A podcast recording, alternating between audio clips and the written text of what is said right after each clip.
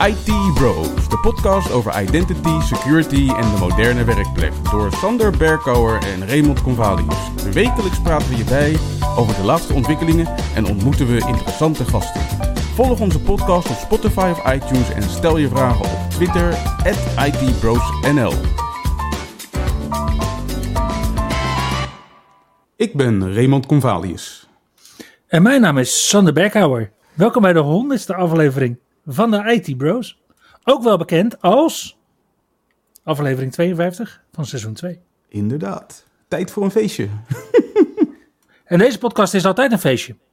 Dus daarom ook in deze podcast het meest recente nieuws, aankomende evenementen en weer een geweldige productiviteitstip.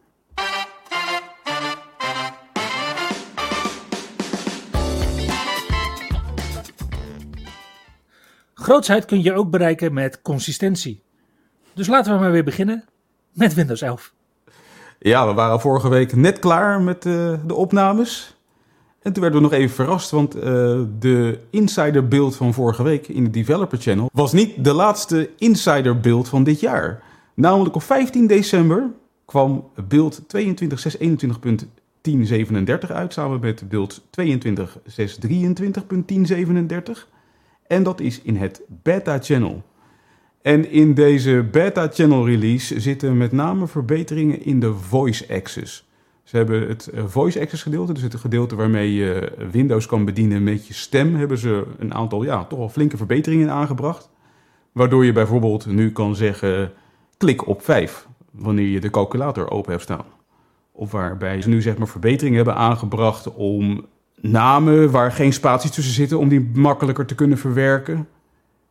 En om bijzondere leestekens makkelijker te kunnen verwerken. Dus als je het bijvoorbeeld hebt over Bluetooth en devices, dan snapt de voice access je nu ook beter.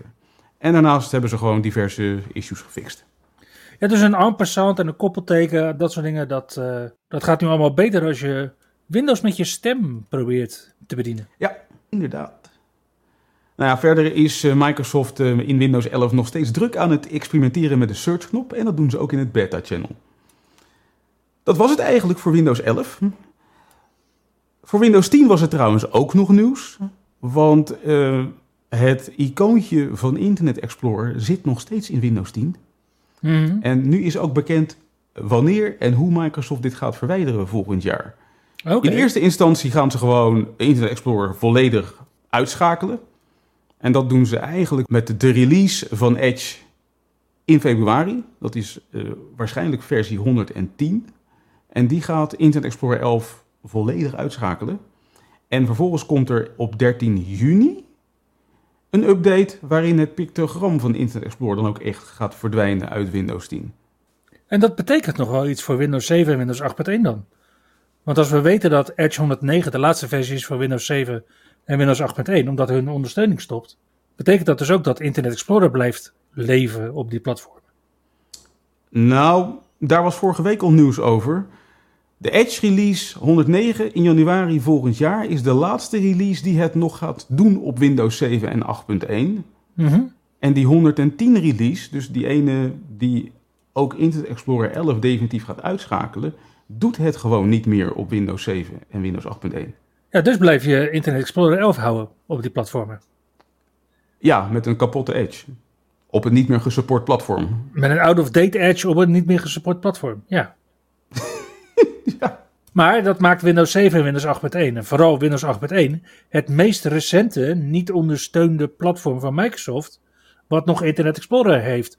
Mocht jij nog een of andere Pocky of Hakitaki website hebben die dat vereist. Ja, dat is waar. En dat zijn er nogal wat. Nou, ik, ik weet niet of dat er nog wel zoveel zijn. Ik zat de forums een beetje te volgen op tweakers hierover. Mhm. En er waren een paar mensen die tot nu toe hadden vastgehouden aan Internet Explorer 11. En die kwamen er tot hun stomme verbazing bijna achter dat ze dat werk wat ze nu altijd deden met, met IE11 toch ook konden doen met Edge. Oké. Alleen waren ze daar gewoon nog niet achter gekomen. Was gewoon nog steeds eh, technologie schuld. Ja, precies. Alright. Maar er is dus een duidelijk plan wat Microsoft gaat doen qua Internet Explorer uitfaseren. Ja, Net zo duidelijk als het plan was voor SwiftKey voor iOS. Hadden we het vorige week al over. Er is een nieuwe versie van uitgekomen vorige week, 294. Deze week gewoon weer een nieuwe versie, versie 295. Niet wereldschokkend, gewoon een aantal oplossingen voor problemen. Bug fixes noemen we dat natuurlijk nog steeds. En prestatieverbeteringen. Ja. Nou ja, ik ben blij dat, uh, dat er weer leven zit in SwiftKey. En ik ben heel benieuwd naar de verbeteringen die we volgend jaar daarin tegemoet mogen zien. Voor Windows 10 was Patch Tuesday geen daverend succes afgelopen maand. Want het blijkt dat bij sommige systemen er een uh, blue screen of dead optreedt met foutcode 0xC000021A. En dat schijnt te maken te hebben met een uh, signature validatie issue op een bestand dat heet hitparse.sys. Op dit moment is er een workaround voor en Microsoft is nog aan het werken aan een fix. En als je dan denkt van ja, wat doet hitparse.sys? Dat is een stukje code wat zich toespitst op human interface devices. Mm Dus toetsenborden, muizen, dat soort dingen. Vooral toetsenborden. Braille-regels. Dus dat is vrij essentieel. Als daar een, uh, een, fout in zit. Want ja, dan heb je dingen ook als uh, Rubber Ducky, die zich voordoet als toetsenbord. Ja. En mocht je je nu zorgen maken dat jouw Windows servers weer helemaal kapot stuk gaan, hoeft niet. Want deze bug is alleen voor Windows en niet voor Windows Server van toepassing. Ja. Nou, Windows Server had natuurlijk ook nog een issue afgelopen week. Ja. En dat ging over het aanmaken van virtuele machines op SCVMM met de software Defined Networking. Yep, heel specifiek. Ja. Yep. Je kon geen virtual machines meer aanmaken als je gebruik maakt van het altijd hippe Virtual Machine Manager. Wat natuurlijk iedereen gebruikt uh, uh, om mm. zijn virtual machines te managen. Er is dus nu een uh, out-of-band uh, update voor uitgebracht, oftewel een patch. Die patch die is trouwens niet met Windows Update te krijgen, die moet je echt specifiek downloaden. En er is een aparte patch voor Windows Server 2022 onder de naam KB 5022553. En eentje voor server 2019 met KB nummer 5022554. Dus als je dacht dat dit werd opgelost vanuit System Center Virtual Machine Manager, kom je bedrogen uit. Zit jij nou nog steeds te wachten op een update voor System Center Virtual Machine Manager? Omdat je zo zat van nou, nu SCVMM sinds 15 december, jawel, jawel, dit jaar al vSphere 7 ondersteunt, dan zullen ze toch wel heel snel ook vSphere 8 ondersteunen. Uh, dan moet je nog even wachten op uh, ja, de volgende update ergens, wanneer ooit, van Virtual Machine Manager. Ja. Onder de noemer, ja, soort van oud nieuws, blijkt dat er in september een patch is uitgebracht voor Windows vanwege CVE 2022-37958. Mm -hmm. Toen der tijd was die belangrijk. Maar inmiddels is er wat meer onderzoek gedaan naar uh, de bug door onderzoeker Valentina Palmiotti. En die kwam erachter dat deze bug, waarvan Microsoft dacht dat die niet zo spannend was, eigenlijk vergelijkbaar is met in der tijd Eternal Blue, oftewel WannaCry. Toen der tijd was er een bug met alleen een issue in het SMB-protocol. Mm -hmm. En deze bug die schijnt echt over heel veel protocollen te kunnen worden misbruikt. Maar gelukkig is er al lang een patch, namelijk sinds september. Ja. En die hebben we natuurlijk allemaal al geïnstalleerd. Dat hoop ik wel. Toch? Toch? Als dat, als dat niet zo is, dan, uh, dan zou ik het alsnog heel snel gaan doen. Precies. En als we dan toch bezig zijn met de patches. Inmiddels heeft uh, Intel ook een nieuwe patch uitgebracht voor zijn uh, Wi-Fi en Bluetooth drivers. En het blijkt namelijk dat die af en toe een blue screen of dead opleveren. Met name in de Bluetooth stack. Nee. Nee toch? Nee, niet, niet Intel toch? Nee. Nee, je verwacht het niet. Ja. Dus mocht je last hebben van, uh, van blue screens op je machines met Intel drivers voor Wi-Fi en Bluetooth, is het tijd om te upgraden naar versie 22.190.0. Die overigens niet uit is gekomen voor de besturingssystemen Windows 7, 8.1 of de 32 bits versie van Windows 10. Want als je die nog hebt, dan is het gewoon tijd om te upgraden naar een nieuwer besturingssysteem. Ja, tenzij je Internet Explorer 11 wil blijven gebruiken. yep. Succes. Precies. Nou, Google had ook nog nieuws.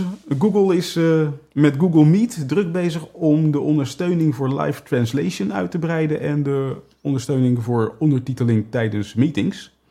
Dus eh, de ondertitelingstalen zijn uitgebreid nu, onder andere met Nederlands, Russisch, Italiaans, Koreaans, Portugees en Mandarijn. Aha. En Google Meet kan gewoon live vertalen voor je in de ondertiteling. En dat doen ze inmiddels van Engels naar Japans, Mandarijn en Zweeds. Of van Frans, Duits, Portugees of Spaans naar het Engels. Dus je kan nu nog makkelijker met verschillende talen communiceren over Google Meet. En sommige van die talen zijn dan nog wel in beta, geloof ik. Ja, maar ik vraag me af of dat nieuws is voor Google. Nee, Gmail was ook 12 jaar beta. Dat bedoel ik. Voor Microsoft is het trouwens nog steeds wel nieuws. Alleen noemen ze het daar geen beta meer, tenzij het Windows is. Maar noemen ze het Public Preview. En deze week zagen we de Public Preview van Microsoft Graph SDK versie 2.0. En deze preview doet waar Microsoft tijdens Ignite de mond van vol had. Hij doet namelijk meer met minder. minder schijfruimte, nog maar 351 MB in plaats van 856 MB. Mhm. Zo. En veel meer performance. En natuurlijk nieuwe features. Dus je kunt nu ook Manage Identities beheren. En bij het aanmelden kun je niet kiezen voor Client Secret Credentials. En zelfs Certificate Credentials. Mocht je dat willen. Nice. Ja, we komen ergens. Ja. Nou, nu waren er de afgelopen weken toch ook wel weer een aantal eh, ja, cybersecurity incidenten. En met name Mhm. de universiteiten hadden het zwaar, heb ik het gevoel, deze week. De, de Nederlandse universiteiten, ja. Ja, de Nederlandse universiteiten. Met name eerst in eh, Leiden. Een aanval eh, op JobMotion, het eh, detacheringsbureau van de universiteit in Leiden. En daar zijn mogelijk gevoelige gegevens buitgemaakt van mensen die zaken doen via dat detacheringsbureau. En met gevoelige gegevens, wat bedoelen ze dan precies? Ja, ja, gegevens als eh burgerservice-nummers, financiële gegevens, naam, woonplaats, telefoonnummer en factuurgegevens. Dus Auw. genoeg informatie om ja, aardig wat social engineering mee te gaan eh, uitoefenen, denk ik. Yep, ook bij de Vrije Universiteit was het raak. Daar is een database met gegevens van inschrijvingen voor studies tussen 2003 en 2019 gestolen, doordat er onbeveiligde laptops zijn ontvreemd. Op deze laptops stonden onversleuteld kopieën van paspoorten en verblijfsvergunningen, cijferlijsten, betalingsachterstanden en correspondentie over examenuitslagen. En daardoor zijn diverse groepen studenten benadeeld en dus ook al benaderd door de Vrije Universiteit. Ja, en ook Okta had eh, wederom een issue dit jaar. Ze hadden eerder al een probleem. Hun derde issue dit jaar. Ja, dit keer eh, is hun eh, GitHub-account het slachtoffer geworden van een hack. Waardoor diverse eh, repositories met eh, source code van GitHub zijn benaderd. Ja, het lijkt er nu op dat het er maar één is. Oké, Namelijk eh, die waarmee ze koppelen met Workforce. Een HR-pakket van ADP. oké. Ja, Okta maakt inderdaad gebruik van GitHub voor hun repositories. Mhm. En GitHub zag op repositories wat vreemd verkeer en alarmeerde Okta. Okta is daar nu onderzoek naar aan het doen. En wat daar tot nu toe uit is vrijgegeven, is dat daar inderdaad alleen die ADP Workforce koppeling, source code, dus nu van is ontvreemd. Oké. Dus er is geen toegang tot de Okta-dienst. Nou, deze keer, in tegenstelling tot eh, ja, de hack eh, op basis van Twilio. Mhm. En er is ook geen toegang tot klantgegevens. In tegenstelling tot die 2% of twee klanten eerder dit jaar. En waar wel toegang toe was, was de source code. Dus de manier waarop de Okta-dienst werkt.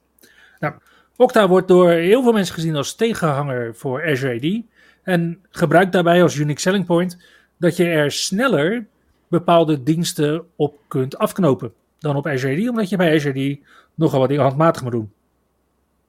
Nu kwaadwillenden de source code van Okta in handen hebben, kunnen zij ook sneller dingen afknopen. Voor je.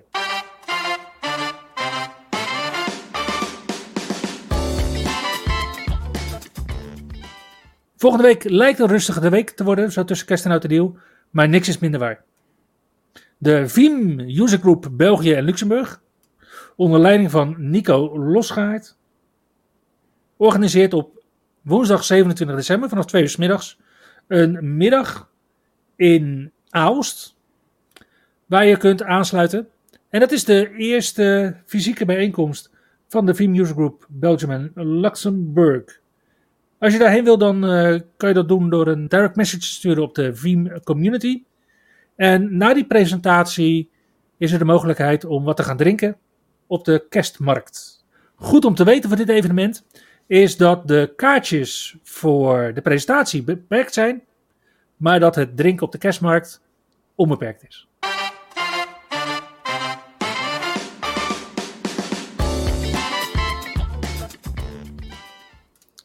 Hey Ray, heb je een productiviteitstip voor ons uh, deze week? Nou, ik heb, uh, deze week heb ik me gewoon weer laten inspireren door Dave Stork, die met zijn adventstips bezig is. En die nu al, geloof 18 dagen lang, iedere dag een nieuwe tip heeft gelanceerd naar kerst toe. En welke tip van uh, Steve heb je er deze keer uitgetrokken? Nou, hij kwam met een leuke waar ik me eigenlijk niet eens helemaal bewust van was. Dat is dat je heel eenvoudig je mails kunt versleutelen en laten beveiligen tegen doorsturen. Als je beschikt over een Microsoft 365 E3 licentie of een Office 365 Family of Personal abonnement. En dat doe je dus eigenlijk vanuit Outlook door gewoon te zeggen, nou, encrypt deze mail. Er zit gewoon een vinkje, encrypt deze mail of do not forward. En dan is het dus zo dat je die mail naar een ieder kan sturen. En de ontvanger hoeft dus niet over een licentie te beschikken. Alleen jij als verzender moet over een licentie beschikken om zo'n mail te kunnen versturen. Mhm. En dat kan dus zowel vanuit je Office 365 E3, dus je zakelijke abonnement, als je persoonlijke Office 365 Family of Personal abonnement.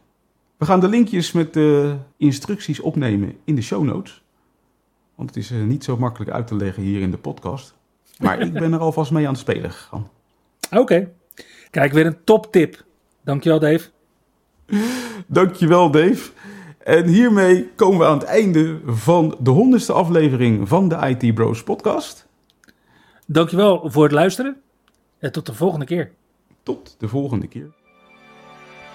Je luisterde naar IT Bros, de wekelijkse podcast over identity, security en de moderne werkplek.